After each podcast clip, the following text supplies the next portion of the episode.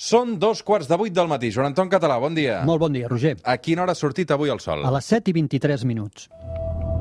3, 2, 1, seganya!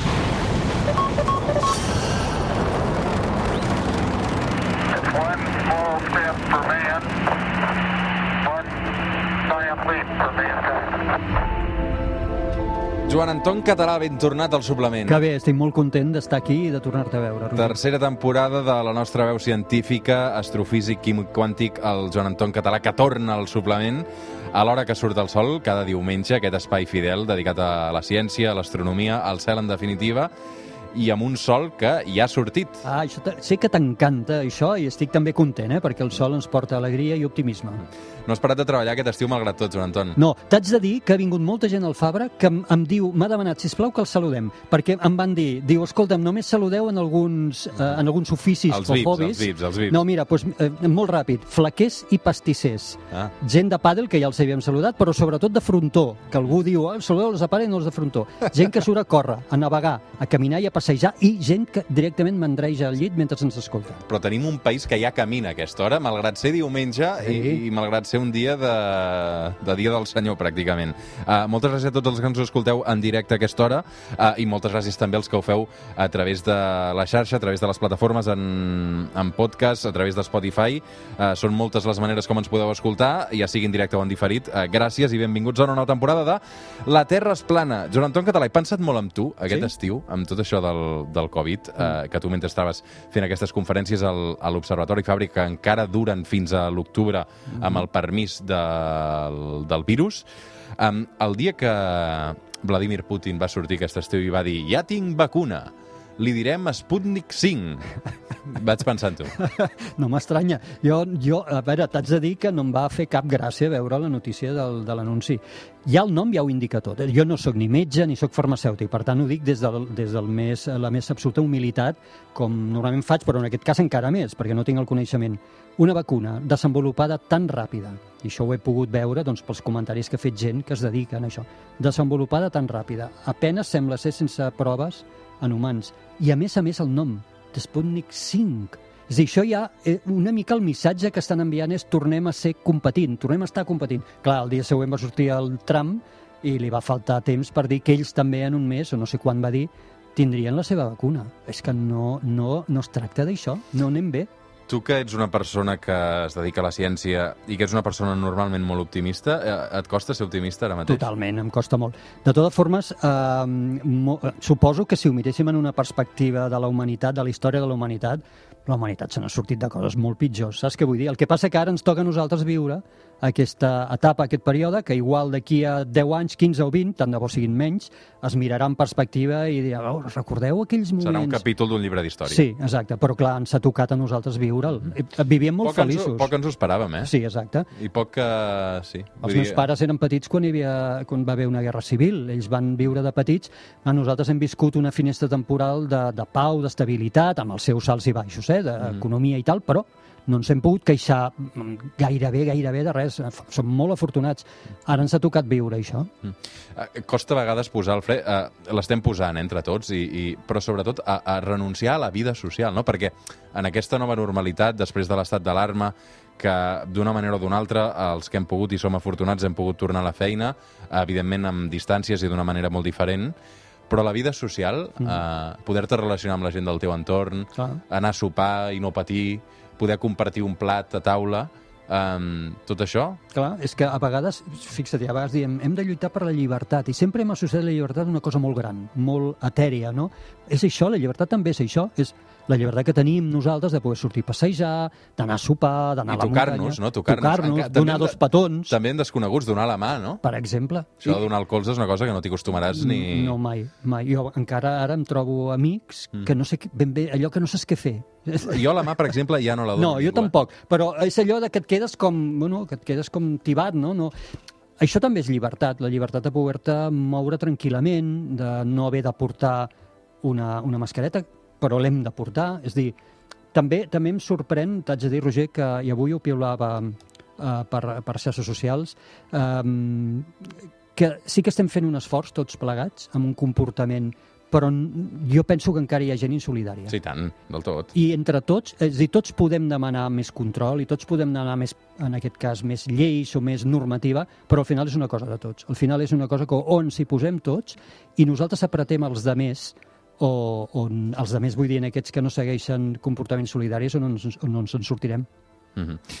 Doncs aquest apunt. Uh, la ciència és més necessària que mai i, evidentment, uh, serà protagonista d'aquesta nova temporada del suplement, com ja ho ha estat des del principi, però ara més que mai.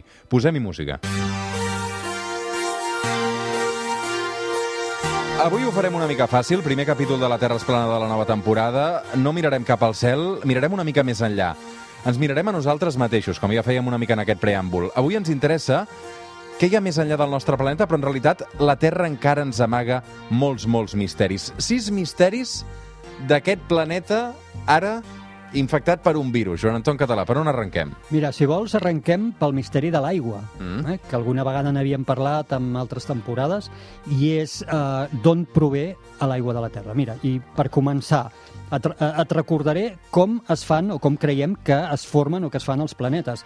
Es fan a partir de col·lisions, de xocs. Primer són pedretes petites que s'adhereixen, però després ja són roques que sí que aquestes col·lisionen i van formant objectes cada cop més grans que arriben a esdevenir embrions del que finalment van ser eh, planetes. La Terra es va formar també així. Per tant, es formen molt calents a través de col·lisions i, a més, la Terra es va formar amb la part interior del sistema solar, vol dir relativament a prop del Sol, com està ara. Creiem que en aquestes circumstàncies no hi havia aigua a la Terra, o apenes n'hi havia, en el moment de la formació. Mm -hmm. Dius que uh, la Terra és dels planetes més secs de tot el sistema solar. Això exactament què vol dir? Perquè sabem que hi ha, uh, en principi, aigua d'altres punts, però a vegades està Mhm. congelada, no? Sí, clar, doncs, dels més secs, i això sorprèn molt a la gent, i dius, home, però hi ha els oceans i tot això. Doncs mira, el 75% de la superfície de la Terra està coberta per mar, però estem parlant només de la superfície. Però l'esfera Terra és molt pobra en aigua, sobretot quan la compares amb satèl·lits, per exemple, de Júpiter o de Saturn, que sent molt més petits que la Terra, tenen moltíssimes vegades més aigua que té el nostre planeta. D'on surt aquesta aigua que tenim? Clar, i aquí és on ve el gran misteri. Llavors, no tenim encara una resposta allò 100%, però sí que tenim hipòtesis. Sí que tenim hipòtesis que eh, una mica ens apunten d'on podria provenir. La primera d'elles, el primer model, el, que, el més establert i creiem que anem per aquí. Ens hauria plogut, mai més ben dit, a l'aigua del cel a partir de xocs d'asteroides. Els asteroides són objectes, alguns d'ells molt rics amb gel, gel d'aigua, doncs podrien haver estat els asteroides els que a l'etapa final de formació de la Terra haguessin portat l'aigua en aquest planeta. I això hauria estat així perquè Júpiter, el primer planeta de formar-se en formar-se del sistema solar, hauria des desestabilitzat tot el sistema solar i hauria enviat un munt d'aquests objectes que s'haurien format a la part externa del sistema solar, per tant rics amb gel d'aigua, el que no tenia la Terra, com dic, Júpiter els hauria enviat en col·lisió directa contra la part interna del sistema solar en aquestes primeres etapes. I d'allà vindria a l'aigua de la Terra. Aquest model d'un Júpiter que es mou i que desestabilitza ens quadra no només amb el tema de l'aigua, ens quadra moltes altres coses. Per exemple, ens quadra en què Mart sigui petit, en què el cinturó d'asteroides que hi ha entre Mart i Júpiter també sigui petit, tingui poca massa. Llavors, la, la hipòtesi predominant és això, un moviment de Júpiter quan el sistema solar era molt jove, desestabilitza, crea el caos en el sistema solar i envia un munt d'objectes que impacten contra la Terra i aquests objectes ens porten a l'aigua. Mm. Segons el segon model, aquest era el primer, eh, d'on surt aquesta aigua de la Terra? Perquè hi ha altres versions. A veure. Sí, la, el segon model seria, bé, bé, no ens precipitem, és possible que tot i formar-se a prop del Sol, com dèiem, la Terra hagués estat capaç, en base a aquestes col·lisions, de conservar part de l'aigua, dels components hidratats que podien tenir aquests primers elements que van col·lisionar. Aquest seria el segon model, que no buscaria la font de l'aigua a fora, sinó que la buscaria en origen. Tenim molts dubtes que això pugui ser així, però en tot cas és un model que està sobre la taula. Mm. I tercer model? El tercer model diria que la Terra es va fabricar la seva pròpia aigua i això hagués passat en una atmosfera inicial que la Terra podria haver conservat, bàsicament de gas hidrogen, i amb l'activitat eh, volcànica s'hauria format aigua. Aquesta és molt, molt, molt improbable, perquè voldria dir que la formació de l'aigua hauria d'haver estat rapidíssima, perquè sabem que aquesta primera atmosfera d'hidrogen, si és que realment va existir, va durar poquíssim, perquè va ser escombrada pel Sol. Per tant, hauria d'haver estat un procés ràpid, aquesta opció la tenim pràcticament descartada. Som al suplement, som a Catalunya Ràdio, avui amb el Joan Anton Català descobrim misteris de la Terra.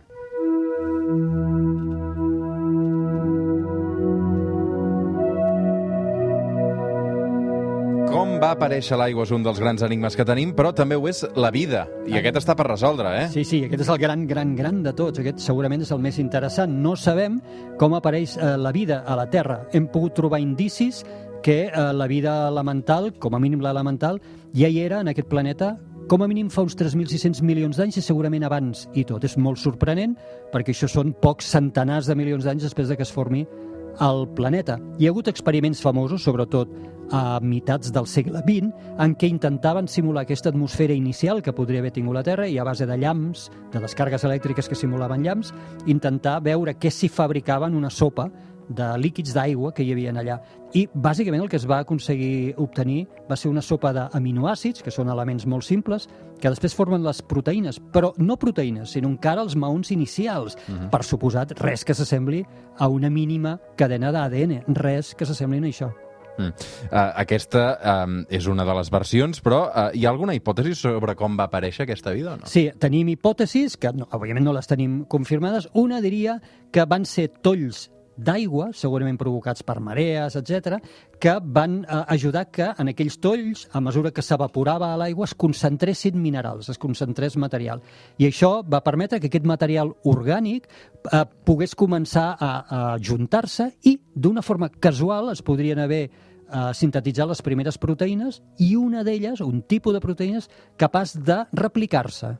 Aquest, no sabem com, eh? No sabem com, però aquest seria una mica el, el fil de l'esdeveniment. Aigua que s'evapora, que ajuda a concentrar minerals, aquests minerals reaccionen químicament entre ells, es formen les primeres proteïnes i unes d'elles, per casualitat, són capaces de replicar-se. Mm. Les teories religioses les deixem de banda, no, de moment? Les deixem de banda. Hi ha una altra hipòtesi molt xula, que és la panspermia, que és ah. la vida no va aparèixer a la Terra, sinó que ens va venir de fora, a cavall d'algun meteorit que va portar aquí els elements bàsics de la vida, no la podem descartar, científicament la tenim sobre la taula. Això no ens, no ens contestaria com apareix la vida, perquè el lloc d'origen tampoc sabríem com ha aparegut, però ens podria contestar com ha arribat la vida aquí. Creus que, evidentment, segurament ni tu ni jo sabrem resoldre aquest misteri o ens agafarà encara en vida, però algun dia sí, no? Sí, jo penso que sí. Jo penso que aquesta pregunta... Mira, això, a més, podria ser relativament ràpid. Imagina't que es descobrís vida a Mart. Uh, saps que Mart, n'hem parlat moltes vegades, està sent intensament explorat.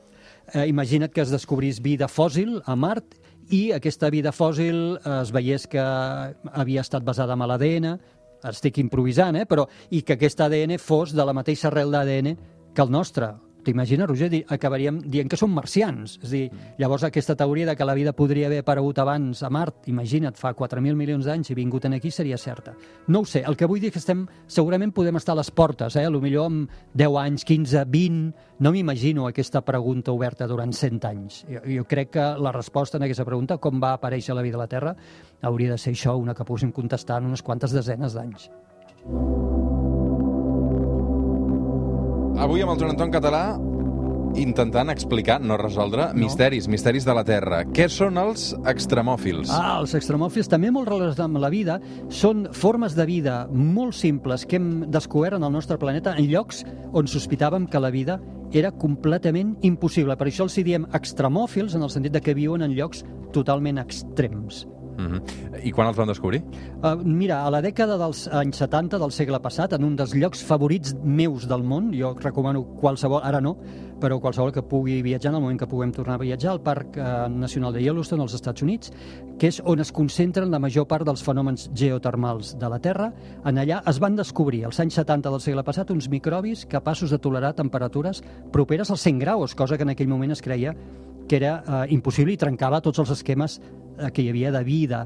Tal va ser la sorpresa que es van dur els biòlegs que de seguida es van llançar a localitzar eh, elements, organismes, a tot arreu del món on fos, on les condicions no fossin aquestes estàndard que pensaven per la vida i van començar doncs, això, a descobrir eh, per, eh, bacteris, per exemple, a profunditats sota el mar, a prop de geysers, a altíssimes temperatures, a molt alta pressió, i es van anar succeint el descobriment d'aquest tipus d'organismes que col·lectivament hem anomenat extremòfils. On els trobem? Com et deia, al costat de Heises, per exemple, els hem trobat. També els hem confirmat a la profunditat de les crestes oceàniques a molts quilòmetres mm. sota la superfície del mar, on hi ha temperatures que arriben als 400 graus. Evidentment, ells no estan allà, no estan en el moment de sortida del magma a 400 graus, estan una mica més diríem, de costat, de refiló, però estan a temperatures que arriben als 80 graus en alguns casos. I mira com és la cosa, que actualment hi ha científics que pensen que hi hauria més biomassa, és dir, que hi hauria més pes d'elements vius sota la superfície de la Terra que tota la que hi ha a la superfície i fins i tot dins dels mars. Quart misteri. Ens endinsem a l'interior de la Terra, que també és un món per descobrir. Abans ens deies que allà no hi ha gaire aigua. No, i, i, i tots recordarem que hi ha gent que diu que està buida, que a l'interior de la Terra s'hi amaguen no? criatures o altres Tot això partint de la base de que la Terra no sigui plana, eh? Eh, Sí, perquè si és plana ja hauríem acabat moltes de les coses que estem dient. Doncs no, l'interior de la Terra sabem que no és buit, està molt calent, tenim un nucli en temperatures molt similars a les que té el Sol i, i pressions enormes de milions de vegades les que tenim aquí sobre a la superfície. Uh -huh. I de què està fet aquest nucli de la Terra? Està fet d'elements metàl·lics, bàsicament ferro i els seus, els seus eh, diríem, derivats, mm. que està a la part interna de la, de la Terra està en estat sòlid per la pressió que hi ha, però aquest nucli sòlid està rodejat d'un nucli també metàl·lic que està en estat semifluid, és a dir, semifós. I això és molt interessant perquè el fet de que estigui semifós és una de les claus de la que tinguem coses com camp magnètic o també tectònica de plaques. Què és el que manté tan calent l'interior del planeta, Joan Anton? Aquesta és la- la- l'enigma, no? T- t- Tornem a tenir hipòtesis, evidentment tenim algunes explicacions, però no acabem de veure com quan pesa cadascuna. Mira, la primera hipòtesi diu que la Terra encara conservaria la calor de les col·lisions de fa 4.600 milions d'anys quan es va crear la Terra, com deia abans, a base de xocs. Aquesta seria la primera idea. La segona apunta a que hi ha molts elements radioactius que conformen aquest nucli metàl·lic i la descomposició radioactiva d'aquests elements escalfa, genera calor, i això és el que escalfa l'interior del eh, planeta. Un altre diu que serien eh, mecanismes de cristal·lització que tenen les roques, que es tornen cristalls i en aquest procés desprenen calor i això és el que eh, fa que, que, que l'interior de la Terra estigui tan calent. Segurament, al final, la resposta és les tres, però no sabem com quan pesa cadascuna. Més misteris avui per resoldre del planeta Terra, el camp magnètic. Això n'hem sentit a parlar algun dia. Sí, i aquí el misteri no és que tinguem camp magnètic, això sabem que el tenim, perquè justament ara dèiem que tenim un, camp un nucli metàl·lic semifós que es mou, eh, i això és el que crea corrents amunt i avall, que anomenem de convecció, i aquestes corrents amunt i avall d'un element metàl·lic és el que ens crea un camp magnètic. Això és el que ens fa funcionar la brúixola, entre altres coses. val? Uh, el, en aquest cas, uh, què més podem investigar sobre aquesta qüestió? Clar, aquí el, el que no acabem de saber és per què els pols magnètics, per exemple, de la Terra, els que ens fan funcionar la brúixola, fan excursions, migren, eh, els anomenem excursions, perquè s'estan movent constantment i a més tenim registres a les roques que ens mostren que el camp magnètic de la Terra ha estat movent-se, els pols han estat movent-se per tota la superfície de la Terra durant tota la història i en alguns moments s'han invertit, és dir, el que és el pol nord magnètic, estem parlant dels magnètics, eh? s'ha canviat i, i, i, has, i ha esdevingut al sud. L'última vegada que això va passar fa 750.000 anys i creiem que això passa més o menys cada 250.000 anys, per tant ja, es- ja, ja fem tard, ja estaríem a les portes d'una inversió i no sabem per què, per què es produeixen. Quantes coses per resoldre, Joan Anton? No sé si serem a temps, tu i jo. Eh, algunes jo espero que sí, eh?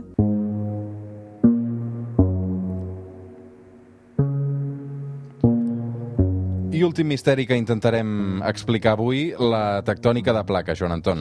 Clar, sabem des de fa molt de temps que els nostres eh, continents, no només els continents, sinó també eh, les- l'escorça marina, l'escorça que hi ha per sota dels oceans, està fragmentada, és com un trencadís.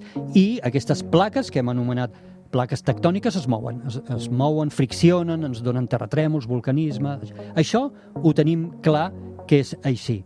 Uh, però després ara t'explicaré que el que no tenim clar és per què tenim la tectònica de plaques. Uh, la tectònica de plaques, uh, explica'm exactament què és i com funciona, perquè... Vale, mira, la tectònica de plaques és, resulta que tenim aquest nucli que tenim fos, calent a dins, Sí. que genera molta escalfor. Aquesta escalfor puja cap a la superfície, per tant, refreda el planeta, trans transporta calor cap a dalt, Mm. i això és el que fa que la capa de dalt de la, de la, de la Terra, pràcticament, que és mm, bastant superficial, en anomenem escorça, però que conté un tros de mantell per sota es pugui deslissar, es pugui moure per sobre del mantell. El mantell està a molt alta temperatura o a més eh, temperatura que la superfície, està en un estat viscós i això permet que les plaques de sobre es moguin. Però el que et deia, la gran enigma, per què està trencada la superfície de la Terra? Si algú no hagués vingut en un martell i l'hagués trencat i hagués format aquestes plaques, aquestes plaques no es podrien moure simplement perquè no existirien. Per tant, la qüestió no és per què es mouen, sinó per què estan trencades. I coneixem altres planetes bessons, com Venus, bessó de la Terra, que no té tectònica de plaques, sent igual com la Terra, ha de tenir el mateix nucli que la Terra, ha de tenir moltes coses igual que la Terra, però la seva superfície no està trencada en plaques. Per què la nostra sí i la seva no? Això s'està investigant? Sí, sí, això s'està investigant. Una altra vegada, de nou, tenim hipòtesis. Creiem que l'aigua ha jugat un paper clau determinant en que això sigui així. A l'aigua a la Terra hauria donat aquesta propietat més viscosa, més fluida, per entendre'ns, a, a l'escorça i a la part de dalt de la litosfera de la Terra, i és el que hauria fet segurament que la litosfera, que aquesta part externa de la Terra, de la pell de la Terra, tingués més tendència a trencar-se. Déu-n'hi-do, quina lliçó per arrencar la temporada, Joan Anton. Uh, misteris que quedaran per resoldre i que continuarem també analitzant al llarg d'aquests dies, uh, d'aquests dissabtes, d'aquests diumenges uh, a quarts de vuit del matí. Què hi passarà aquesta setmana al cel? Tenim Júpiter i Saturn dominant durant la primera part de la nit, mirant en direcció sud, i aquesta propera matinada, atenció, perquè la lluna minvant se situarà justament al costat del brillantíssim Mart. Aquest és l'any de Mart, tindrem Mart molt, molt, molt brillant a, a l'octubre, ara ja és força brillant, doncs aquesta nit la lluna minvant es situarà al costat de Mart. Gràcies, Joan Anton Català, una abraçada. Gràcies a tu. Ara tornem.